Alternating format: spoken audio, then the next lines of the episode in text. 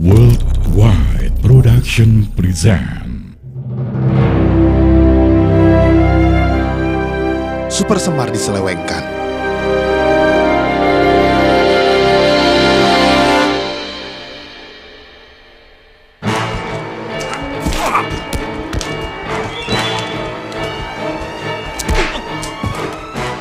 Ingatan Soekarjo Wilarjito sekejap melayang ke tahun 1966 hingga 1970-an. Peristiwa masa-masa itu terbayang dalam pikirannya ketika siksaan dan perlakuan tidak manusiawi dari rezim Soeharto menimpa dirinya. Masa lalu pahit yang dialami Soekarjo Wilarjito bermula dari peristiwa Super Semar.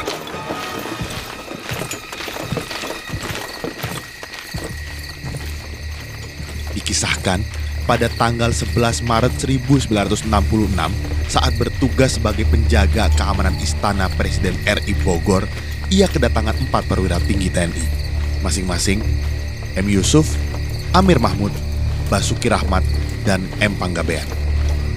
Keempat orang tersebut ingin bertemu dengan Presiden Soekarno untuk suatu urusan penting. Pada malam harinya, Kebun Raya Bogor tiba-tiba dipenuhi oleh pasukan RPKAD dan menangkap para petugas istana termasuk Soekarjo. Tangkap dia! Hei, apa salah saya? Kamu terlibat PKI! Cepat naik truk! Soekarjo dan beberapa petugas istana yang ditangkap lalu dibawa ke RTN. Ia juga sempat mengalami pemeriksaan di Denpom 072 Yogyakarta.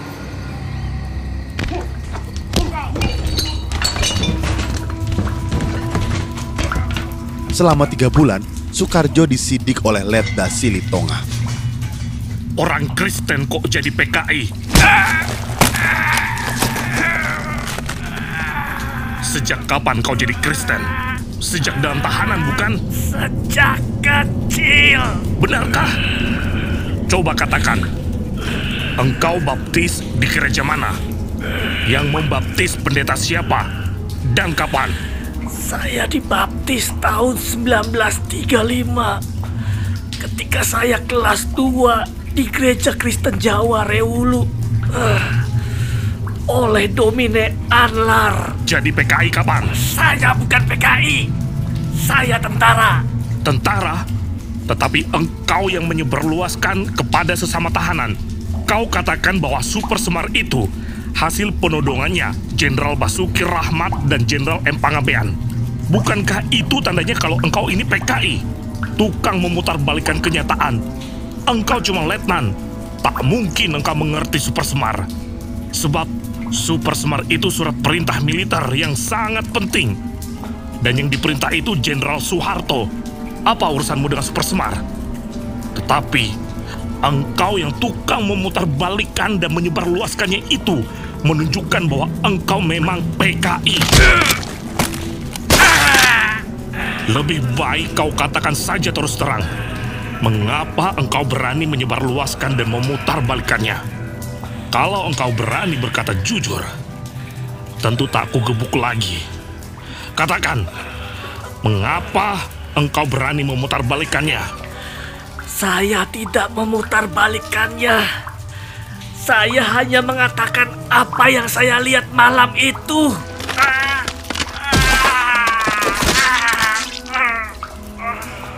Apa yang kau lihat malam itu? Soekarjo lalu menceritakan kejadian 11 Maret kepada Letda Silitonga. Pada malam itu, ketua shift malam adalah Kolonel Sumirat. Seperti rutinitas biasanya, bila Presiden Soekarno belum tidur, kepala shift malam masih dalam keadaan berjaga. Tetapi, bila Presiden sudah masuk kamar tidurnya, kepala shift pun lalu pulang. Berhubung malam sudah larut, Soekarjo lalu berminat mengontrol anak buahnya. Ia baru saja melewati air mancur di halaman Istana Bogor ketika seorang anggota Cakra Birawa melaporkan bahwa ada empat orang jenderal yang akan menghadap presiden. Soekarjo lalu mengikuti si pelapor ke posnya, tetapi berhubung keempat jenderal sudah berjalan ke arahnya, maka Soekarjo berhenti menunggu. Kami mau menghadap presiden, Paduka sudah tidur. Tetapi ini penting sekali. Soekarjo pun segera balik kanan dan berjalan mendahului para jenderal. Ia lalu meminta mereka menunggu di ruang kerja presiden. Sementara Soekarjo membangunkan presiden. Paduka, ada tamu. Paduka, ada tamu. Hmm, siapa tamunya? Empat orang jenderal Paduka. Siapa-siapa mereka? Jenderal M. Yusuf, Jenderal Amir Mahmud, Jenderal Basuki Rahmat, dan Jenderal M. Pangabean. Ada apa malam-malam begini? Saya tidak tahu, Paduka. Bung Karno lalu bersedia menemui keempat jenderal itu. Ada apa malam-malam datang? Mohon Paduka menandatangani. Jawab M. Yusuf sambil menyodorkan seberkas map folio warna merah jambu. Map kemudian diterima dan dibuka. Loh ini kok diktum militer, bukan diktum kepresidenan.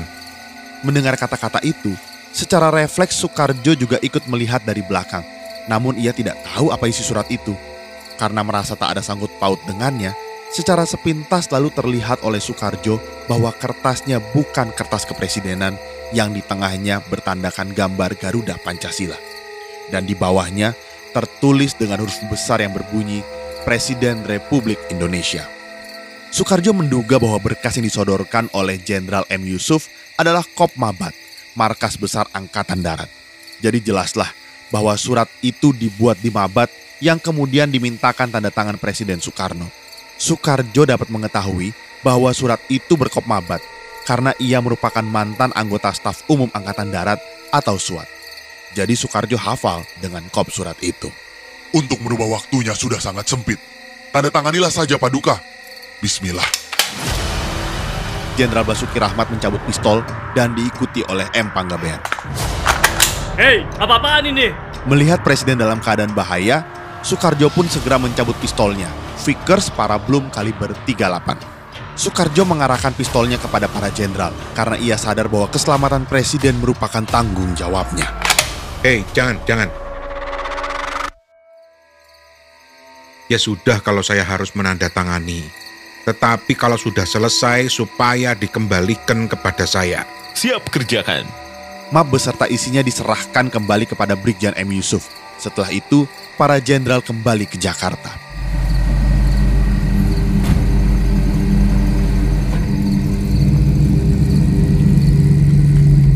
Sedangkan di Jakarta, khususnya di markas besar Angkatan Darat, Ali Murtopo kebakaran jenggot karena menerima telepon gelap dari BPI atau Badan Pusat Intelijen yang mengucapkan terima kasih atas perintah Presiden Soekarno kepada Jenderal Soeharto tanggal 11 Maret 1966. Sayangnya surat perintah presiden, tetapi kop suratnya bukan kop kepresidenan. Jadi berkas aslinya dimintakan tanda tangan Presiden Soekarno, namun tembusannya dicuri orang dibawa ke BPI. Kira-kira siapa yang mencurinya? Ujar Wiono, petugas interogasi pengganti Letda Silitonga. Tidak tahu. Hah? Kok tidak tahu? Bukankah sebelum ditugaskan di istana, kau anggota staf Angkatan Darat? Tentu kau masih ingat, atau setidaknya kau masih bisa mengira-ngira. Saya tidak tahu. Oh, gerakan tutup mulut ya. Engkau mengatakan ketikannya dibawa Jenderal M. Yusuf ke Bogor dan tembusannya dicuri. Bukankah keteranganmu itu menunjukkan bahwa engkau tahu? Tapi kau selalu bilang tidak tahu. Hah? Hah? Hah? Siksaan demi siksaan dialami oleh Soekarjo pada rezim Soeharto. Mulai dari pukulan dengan balok kayu, popor senjata, hingga puluhan kali disetrum di sekujur tubuhnya. Serta hukuman penjara selama 14 tahun tanpa melalui proses pengadilan atas tuduhan sebagai anggota Partai Komunis Indonesia.